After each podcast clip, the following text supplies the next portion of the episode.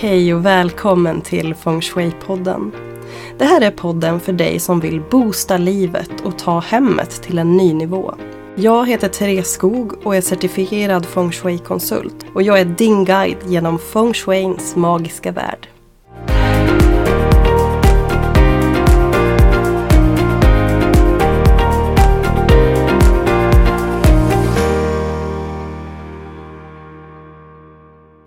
Glad fredag på er och varmt välkommen till Feng Shui-podden. Jag bad ju om eh, lite frågor på Instagram och jag fick in en som jag tyckte var väldigt bra. Eh, och jag skulle vilja säga att det är minst sagt aktuellt i dagsläget också. Eh, frågan löd, hur kan man få till en härlig känsla i ett väldigt stort rum? Och i det här fallet så gällde det en kombinerad hall och ett stort vardagsrum. Och jag tänker det är väldigt vanligt idag med att vi har öppen planlösning mellan till exempel kök och vardagsrum eller kök och matrum. Och en av de största utmaningarna i stora utrymmen är ofta kiflödet. Eh, när vi har stora rum, det är ofta högt i tak i nybyggda hus till exempel och det kan bli lite problem med ljudnivån. Eh, många som, det ser ju väldigt härligt ut med de här öppna ytorna men det är också, har man småbarn till exempel så kan det bli väldigt högljutt. Eh, för det finns inte så mycket som bromsar varken kiflödet eller ljudvågor. Kiflödet är alltså energiflödet som bildas i alla, på alla ytor så har vi ju en form av energiflöde. Man kan tänka sig att det är luften som rör sig i rummet. Och i de här stora ytorna så blir utmaningen då att försöka lugna kiflödet till en lagom nivå. Och det gör man ju med hjälp av till exempel möbler, vilket kanske är självklart. Eh, men det bästa sättet skulle jag säga i de här stora öppna ytorna är att försöka skapa rum i rummet. Och det kan man göra på olika sätt. Ett alternativ är ju att jobba med mattor. Mattor blir lite grann som öar på golvet. Det lugnar skiflödet i och med att har man ett ganska blankt golv till exempel och kanske har stora fönster så gör ju att de här reflektionerna som bildas i golvet blir liksom ännu mer intensiva. Men lägger du på en matta så lugnar du direkt energiflödet genom att det bromsas upp lite av den här matta ytan. Ett annat alternativ skulle jag vilja säga också är att jobba med olika höjder, alltså att det händer saker på olika höjder.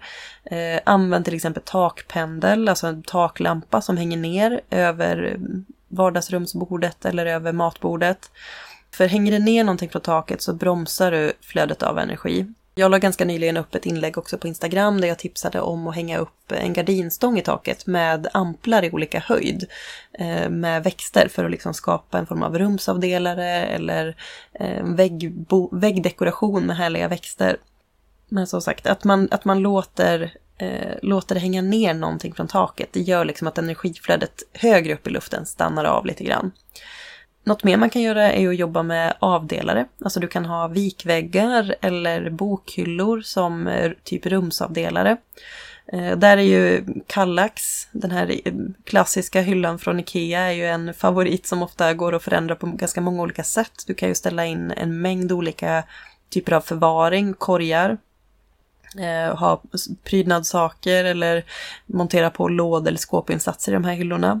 Men en sak som jag också tycker är väldigt viktig att tänka på när det kommer till stora ytor, det är att, eller kanske egentligen vilka ytor som helst, men att våga möblera mitt i rummet. För vi är så himla vana vid att trycka upp alla våra möbler längs med väggarna. Och det gör att det blir som en form av eh, oas med massa energi i mitten av rummet. Och det blir liksom svårt att få till den här harmoniska balansen när det är en stor tom yta mitt i rummet. Så våga dra fram soffan lite från väggen, våga liksom ställa möblerna mitt i rummet istället för upptryckta längs med väggarna. Och i en hall till exempel, har man plats så är det ju jättefint att ha Eh, ett sånt här säsongsbord eller ett litet pelarbord som står mitt i hallen. Eh, som man kan pryda med till exempel färska blommor eller lägga på någon coffee table-bok eller ett fotoalbum och kanske ha någon, någon fin ask som du kan ha dina nycklar eller annat bös i.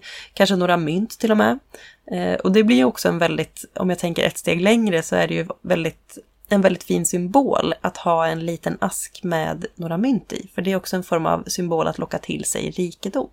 Så då är ju hallen ett jättefint ställe att ha den här lilla myntasken i.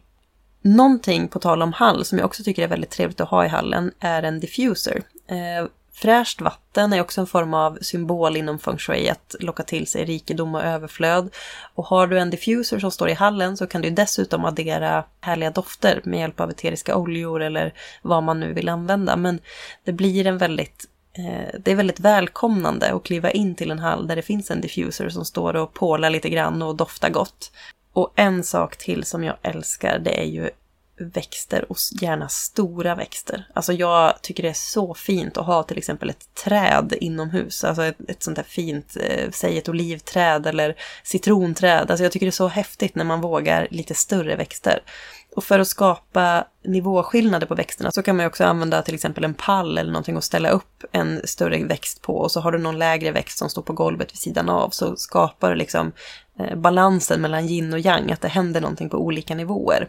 Och växter är ju fantastiska i alla rum och behövs i alla rum. En grej till i just, och det här gäller framförallt stora rum, men det är att låta dina prydnadssaker ta plats. Alltså använd gärna stora prydnadssaker. För har man liksom små saker så ser det gärna ganska plottrigt och rörigt ut. Så investera med fördel i liksom större prydnader som får ta plats och synas. Ja, så när det kommer till just de här öppna ytorna, eh, tänk på energiflödet. Eh, försök att bromsa det så att det blir en, en harmonisk känsla med, med hjälp av mattor, skapa de här öarna på golvet, eh, möblera mitt i rummet och låt till exempel en taklampa få hänga ner för att bromsa energiflödet högre upp i luften också.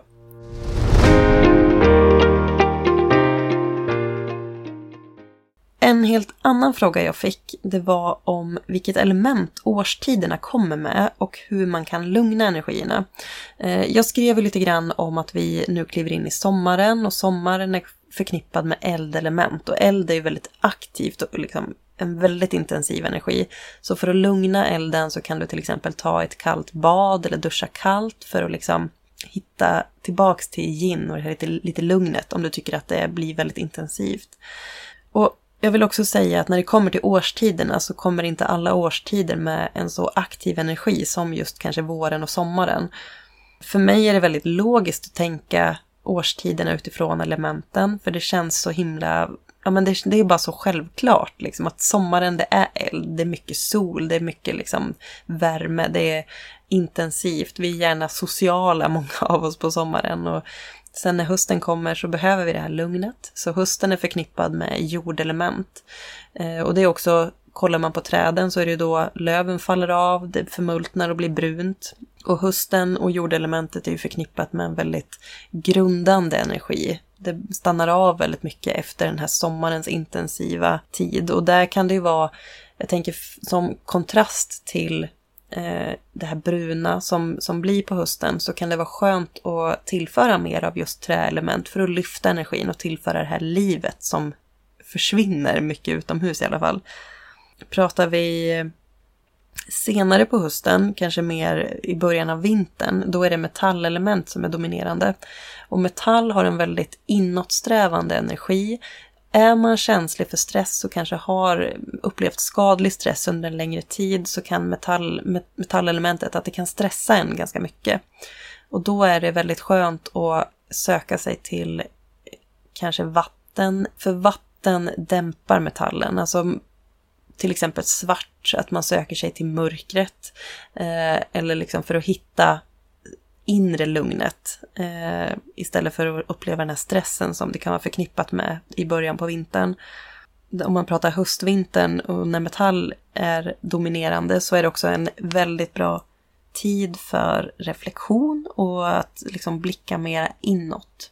Midvintern, alltså säg januari, februari, kanske december, då är det vattenelement som är dominerande och det är ju väldigt svart och mörkt den här perioden på året. Så då behöver vi tillföra ljus och eld, eh, värme, för att inte bli för kalla, för eh, deprimerade skulle jag säga.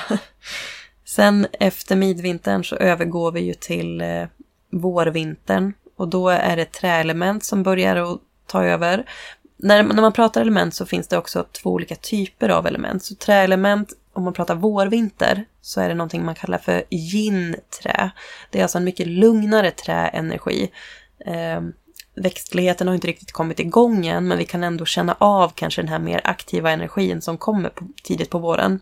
Och senare på våren, kanske försommaren, då är det väldigt aktiv träenergi som, som dominerar. Och då kanske vi behöver lite mer jord för att behålla lugnet när alla energier drar igång och alla växter börjar ploppa fram överallt.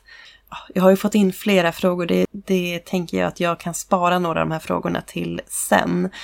Eh, men jag fick in en fråga om hur man kan boosta entrén för att öka eh, alltså och locka till sig bra saker och komma in i livet. Och lite om det här pratade jag i ett tidigare avsnitt där jag tog upp just saker du kan göra vid din entré för att locka in bra saker i livet. Och det beror också på vad det är du vill locka till dig. Så att lyssna på det avsnittet. Eh, annars skulle jag säga tvätta av din ytterdörr. Eh, tvätta bort pollen och smuts och gletiga fingeravtryck som kanske blir. Plantera intentioner vid din dörr och det kan du göra med hjälp av alltså lek med vatten. Måla symboler med vatten vid sidan av din dörr eller på din dörr till och med. Det syns ju inte, men du vet ju att eh, vill du ha mer kärlek till exempel, men måla ett hjärta eller vad nu eh, kärlek är, är för symbol för dig. Men ett hjärta känns ju väldigt vedertaget som en kärlekssymbol. Eh, är det pengar du vill ha, men göm ett mynt under hallmattan eller lägg i den här fina asken som vi pratade om och, och ställ på det här säsongsbordet om du har plats för ett sånt. Eh, för mynt är ju förknippade med rikedom när det kommer till pengar, så att locka till sig pengar kan ju vara en bra grej att göra. Men som sagt, börja gärna redan utanför din dörr, redan utanför din hall. Eh, plantera lite härliga blommor vid entrén, för det är också väldigt energihöjande och fräscht. Men det ska vara tydligt vart du vill att dina gäster och din energi ska komma in någonstans. Så är det otydligt vilken dörr som är din ytterdörr eller din huvudentré, så jobba lite på att försöka locka eh, dina gäster och energin till rätt dörr. Och där kan du jobba med belysning, du kan jobba med blommor eller liksom... man pratar om att energin går dit blicken dras. Så gör det extra tydligt för dina gäster, dig själv och energin vart det är du vill gå in någonstans. Och eh, jobba med egna intentioner, vad det är du vill locka till dig. Och som sagt, lyssna gärna på det avsnittet. Jag kommer inte ihåg vilket avsnitt det var, men det var inte så länge sedan jag pratade om just att bjuda in härliga energier i livet. Så med det knyter jag ihop säcken för den här gången och så vill jag tacka så jättemycket till dig som har lyssnat. Jag hoppas att du har fått med dig lite tips och tankar om hur man kan tänka vid öppen planlösning eller i, när man tänker årstider. Ehm, och även för att bjuda in härliga energier i ditt liv.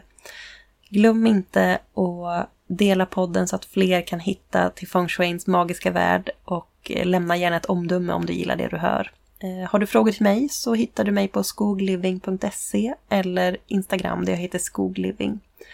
Så nu önskar jag dig en fantastiskt fin dag. Hej då!